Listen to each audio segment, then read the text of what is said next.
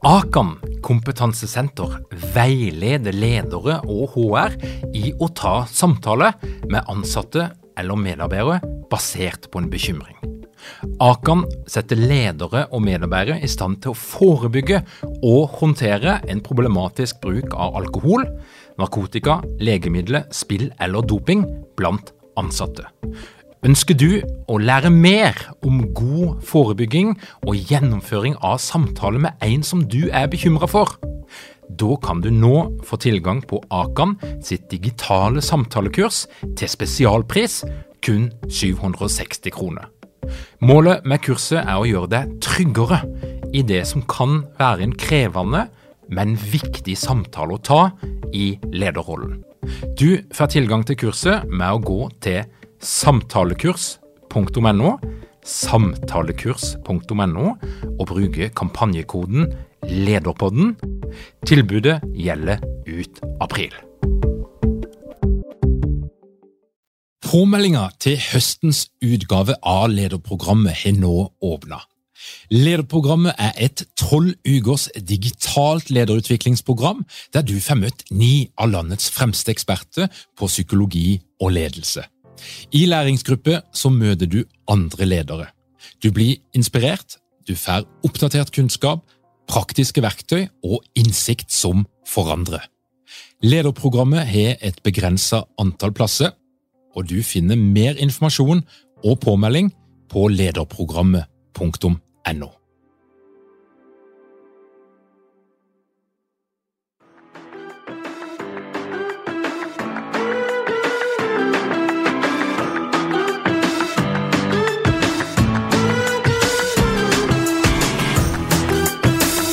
Velkommen til Lederpodden. Mitt navn er Tor Åge Eikerapen. Jeg jobber som organisasjonspsykolog, og dette her er en podkast om ledelse. Hvis det er ett spørsmål som ledere og HR-folk stiller seg akkurat nå, så er det hvordan skal vi jobbe når sommerferien er slutt?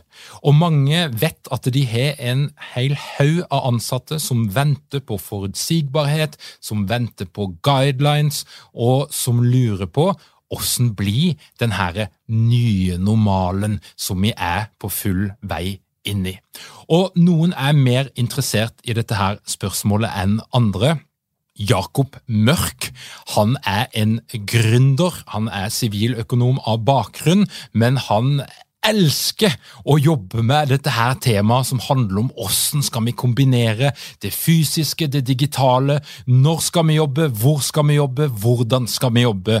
Og Derfor så er det en stor glede å endelig kunne ønske deg velkommen til Lederpodden, Jakob. Tusen takk skal du ha, Tor Åge. Så gøy å få være med. Jakob, du eh, jobber i et selskap som heter Braver, og eh, dykken benytta anledninga som pandemien ga til å etablere et nytt konsept, eller et nytt eh, lite konsulentselskap, som heter remotework.no. Og Du er jo da levende engasjert i de her spørsmålene, og noe av det jeg lurer på, det er jo hva har du og dine kollegaer og dine kunder lært gjennom det siste halvannet året? Jo, vi har lært veldig mye, og det tror jeg veldig mange andre har gjort også. For vi ble jo kastet inn i noe eh, nytt og ganske ukjent, veldig mange av oss, litt sånn over natten.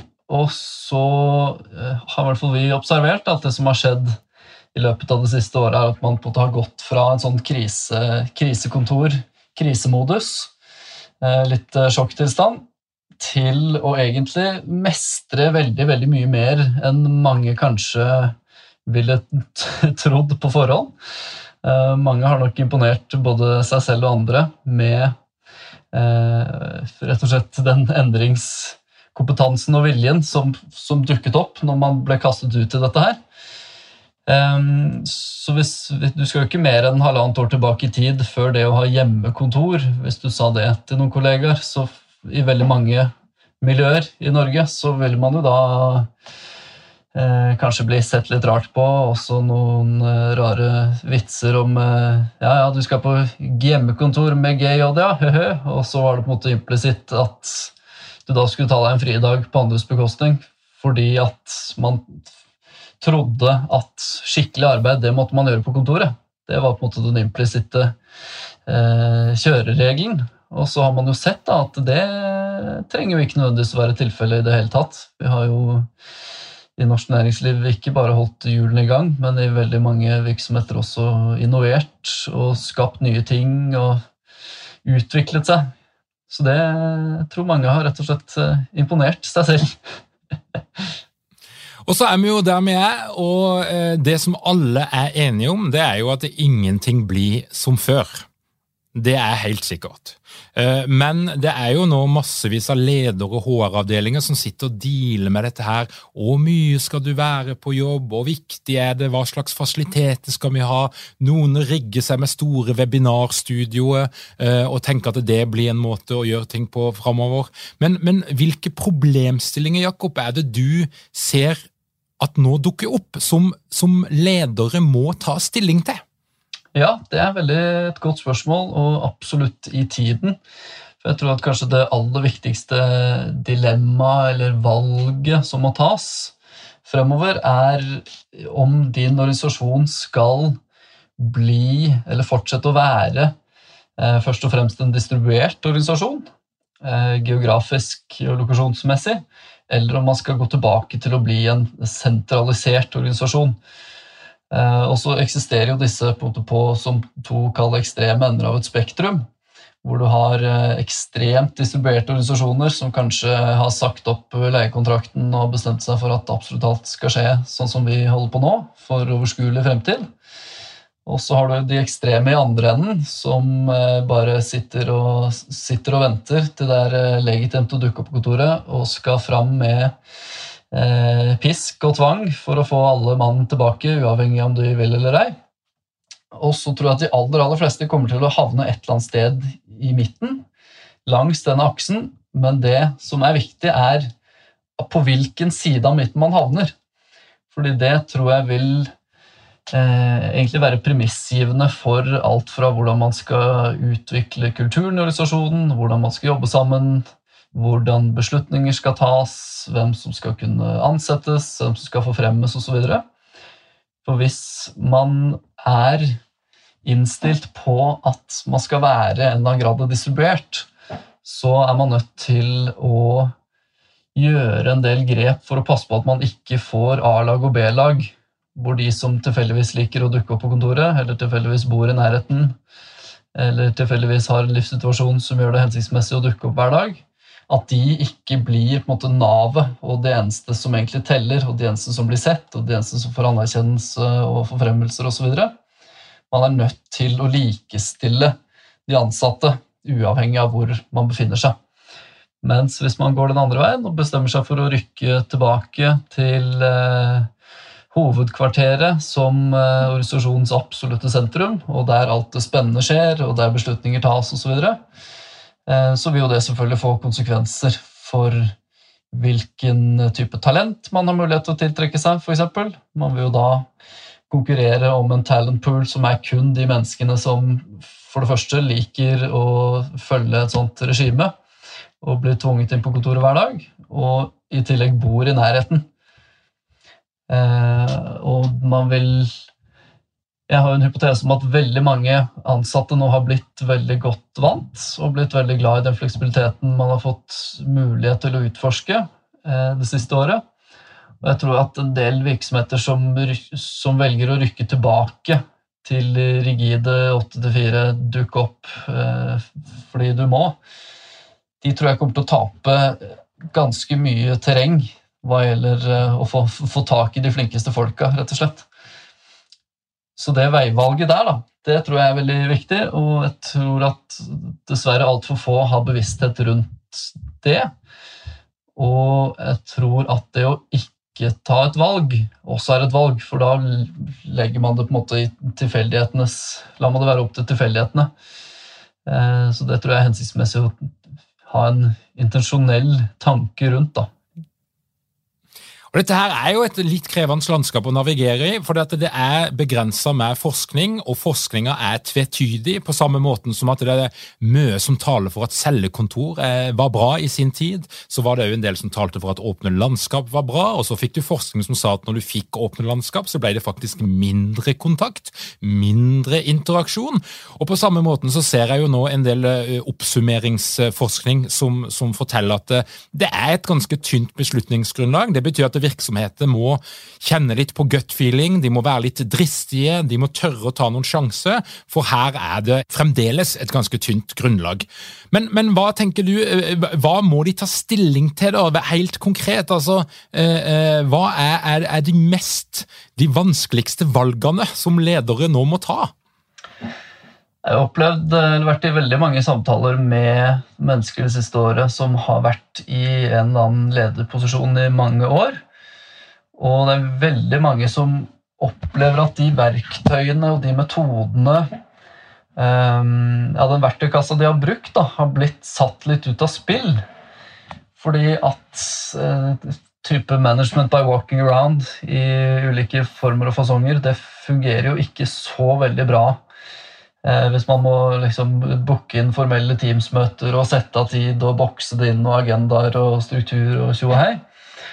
Um, og tilsvarende med en del av de ja, eldre ledelsesverktøy da, som ikke fungerer lenger. Så jeg tror at ganske mange av folk som kjenner seg igjen, ganske mange mennesker som kjenner seg igjen i det, må innse at dette med å jobbe digitalt og hybrid det er kommet for å bli for godt. Og implikasjonen av det, hvis man har lyst til å, å gjøre det godt som leder fremover, er at man er nødt til å oppdatere ferdighets, ferdighetssettet sitt og verktøykassa si eh, for å faktisk bli skikkelig god på dette her. Og jeg tror det at hvis man sammenligner det å jobbe sammen eh, fysisk og det å jobbe sammen digitalt, så tror jeg at hvis man er dårlig som organisasjon eller som team til å jobbe sammen digitalt, så er det digitale en mye dårligere opplevelse enn det fysiske. At man, eh, det er vanskeligere å få ting gjort, eh, det er mer frustrasjon, ting lugger. Men på den annen side, hvis man er skikkelig god på å ta ut det digitale potensialet, så eh, er jo min hypotese at det faktisk er en mer effektiv og en bedre måte å få kunnskapsarbeid gjort på enn å møte opp på samme sted. Så det å lære seg f.eks. det som kalles asynkront arbeid, eh, tror jeg er veldig, veldig hensiktsmessig. Og det betyr jo veldig enkelt fortalt at man evner å jobbe sammen uten å være live foran hverandre i sanntid, sånn som vi er nå. Men heller, eh, hvis du og jeg hadde et prosjekt sammen, så kunne jeg eh, holde på med min del av arbeidet, og så kunne jeg sømløst la deg fortsette mens jeg gikk for å holde på med et eller annet helt annet.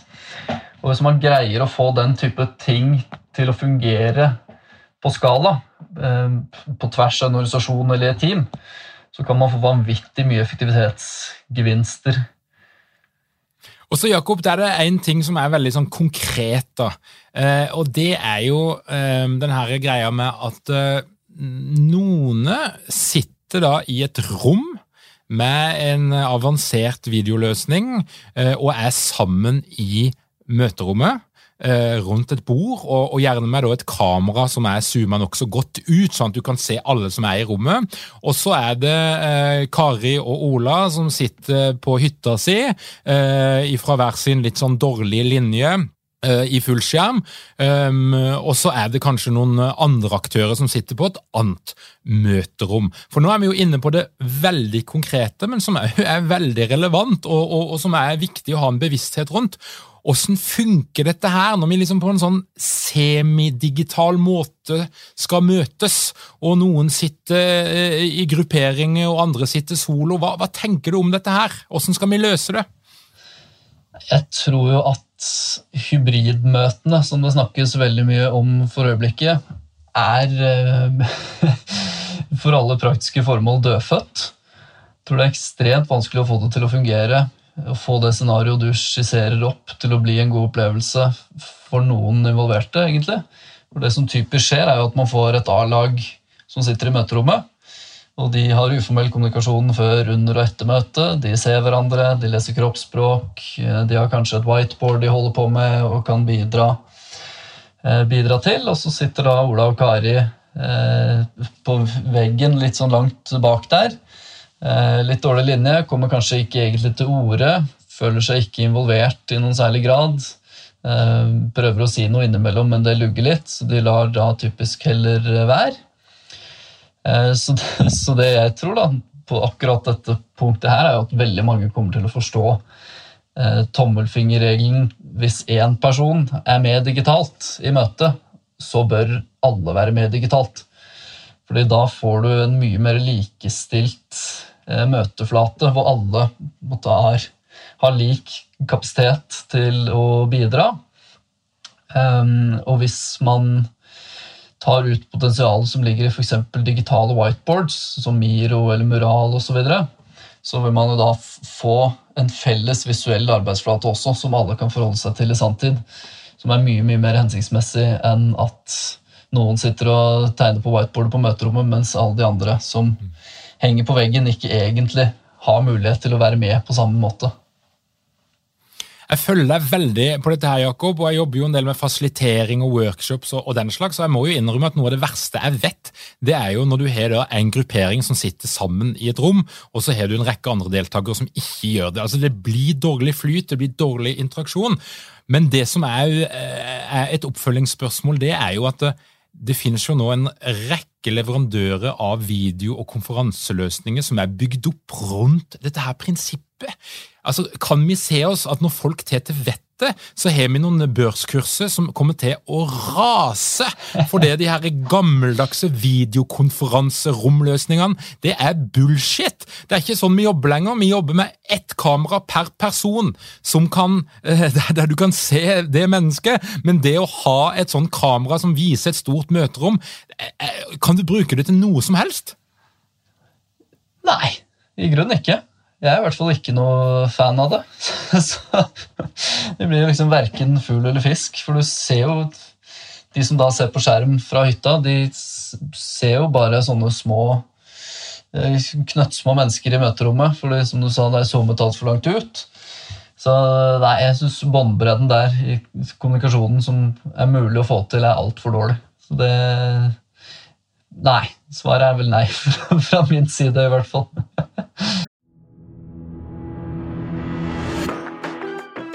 Har ikke mange ledere uten trening eller utdannelse innen ledelse? Mangler dykken en felles kultur og praksis for ledelse? Ønsker dykken å være bedre rusta for fremtidig vekst og endring? Da kan et internt lederutviklingsprogram være en god investering. I Execu er vi eksperter på å designe og gjennomføre bedriftsinterne lederutviklingsprogram. Hvis du ønsker å lære mer om hvordan vi kan hjelpe dykken til å få enda bedre ledere, ta og klikk deg inn på execu.no.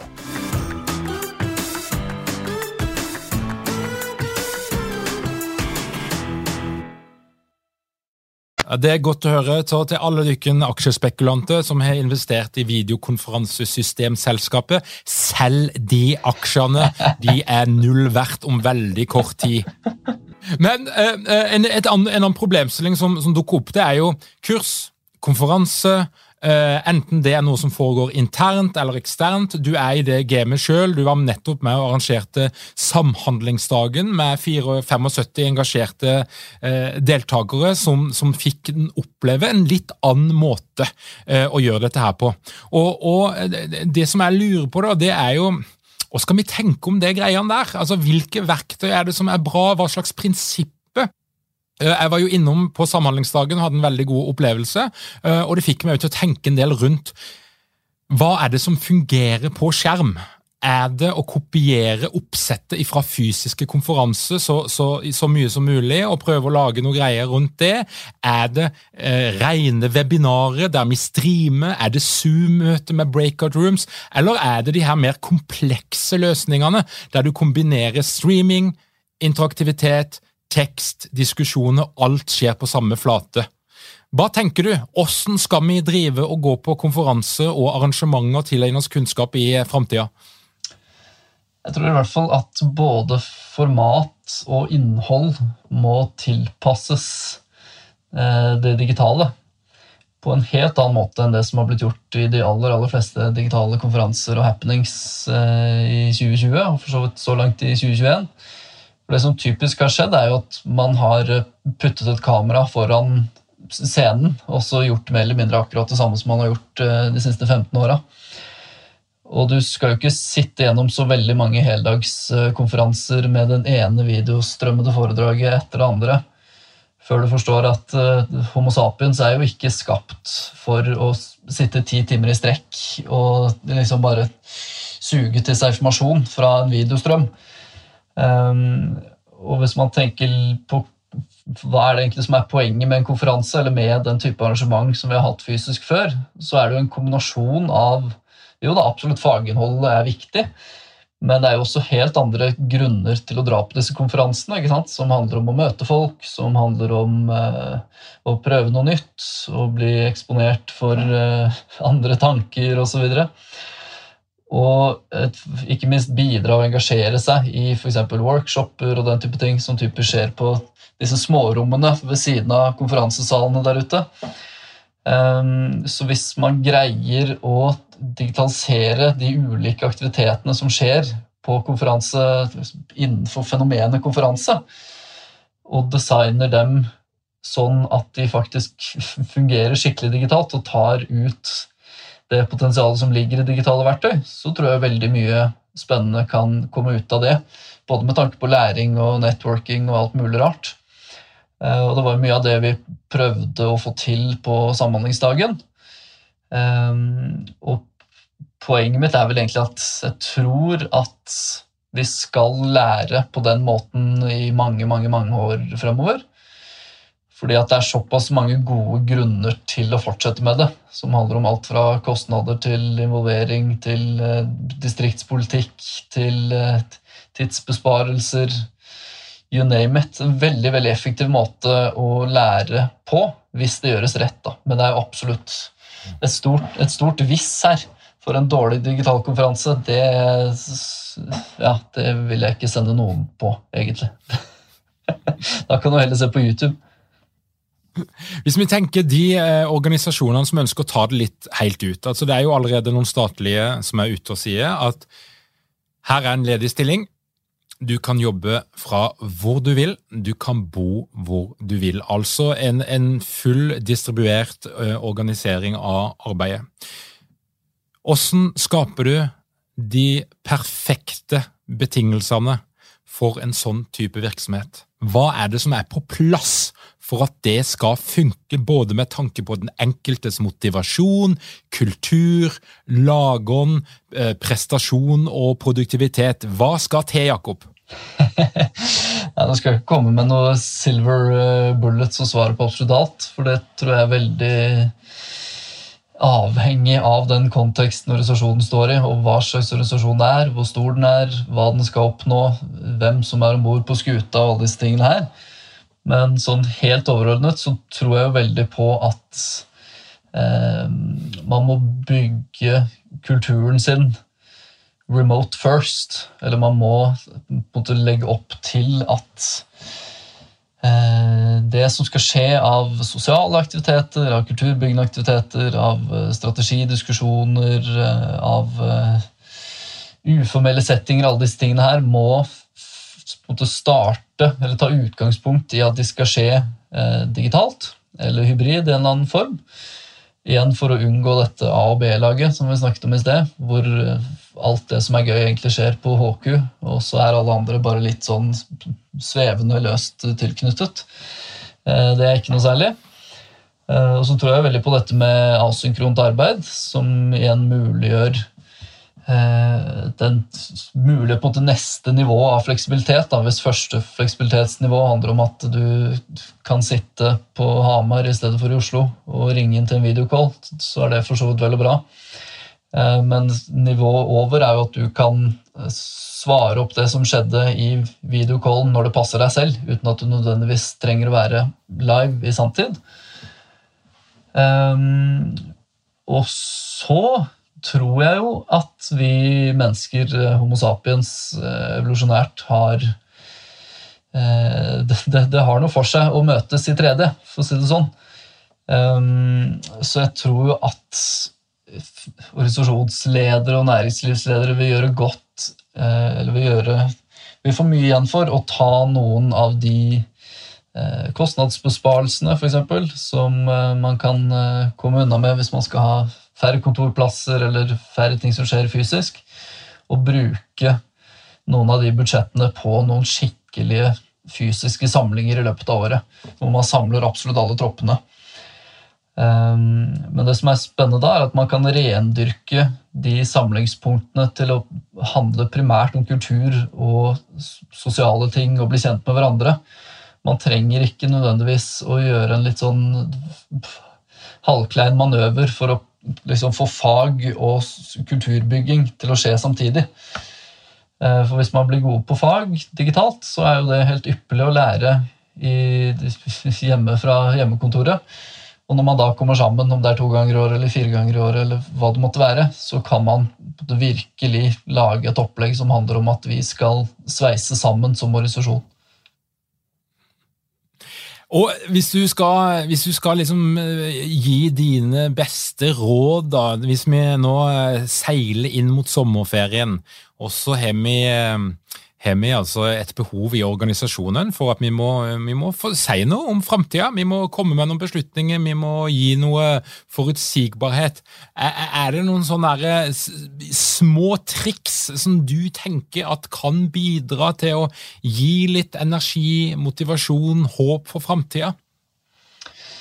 Jeg tror at fremtidens arbeidshverdag kommer til å være veldig mye mindre standardisert enn det vi har sett før, og at man som enkelt, eh, enkeltperson eller som arbeidstaker vil få autonomi til å bestemme og designe arbeidshverdagen sin. Om ikke liksom, radikalt akkurat som man vil, men i hvert fall i veldig, veldig mye større grad enn før.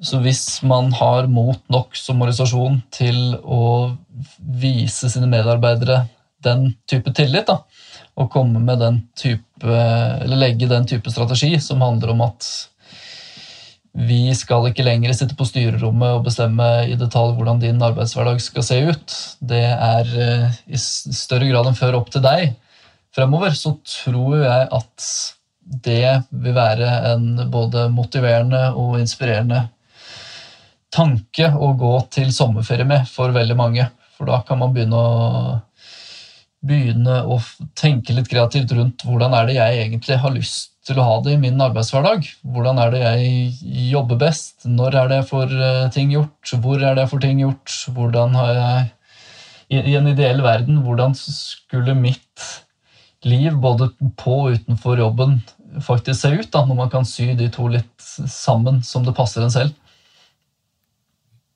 Det høres ut som en, en, god beskjed å gi ut. Autonomi, rett og slett. Mer frihet, og, og du må sjøl eh, ta en kikk på åssen du funker best. Og det er jeg er litt eh, nysgjerrig på, for du, du, overvåker jo litt det som skjer i, i Norge. og eh, på LinkedIn nå så er det jo litt konkurranseserien mellom de ulike aktørene om å skryte av alt det kule de gjør. Og Storebrand har vært ute og sagt at de bygger videostudioer rundt forbi eh, en masse for å produsere webinarsendinger og gjøre en profesjonell greie der. Jeg så at Vice President for Communications i Elkem var ute i går og åpna en ny restaurant som en del av Elkems eh, ja, policy. altså Der lager de et kult og attraktivt sted med sommelier og full pakke, eh, men som altså er noe helt annet enn den tradisjonelle kantina, for å gjøre det attraktivt som et fysisk møtested. Er det noen andre ting Jakob, som du har sett eh, den siste tida, i Norge eller utlandet, som, som du syns ser litt kult ut? Ja, bare For å kommentere det først, da, så tror jeg at det kan kanskje ved første øyekast se litt sånn gimmicky og corny ut. Men jeg tror at vi er på vei inn i en fremtid der kontoret egentlig må konkurrere om vår tid og vår oppmerksomhet på linje med andre produkter og tjenester, vi, eller andre lokasjoner der vi kan befinne oss, eller andre ting vi kan eh, i andre kontekster da, der vi kan uh, gjøre jobben vår.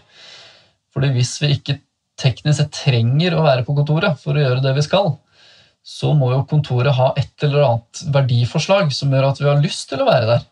Hvis, hvis man fra ledelsen tenker at det er hensiktsmessig å få folk inn uh, enten hele tiden eller delvis.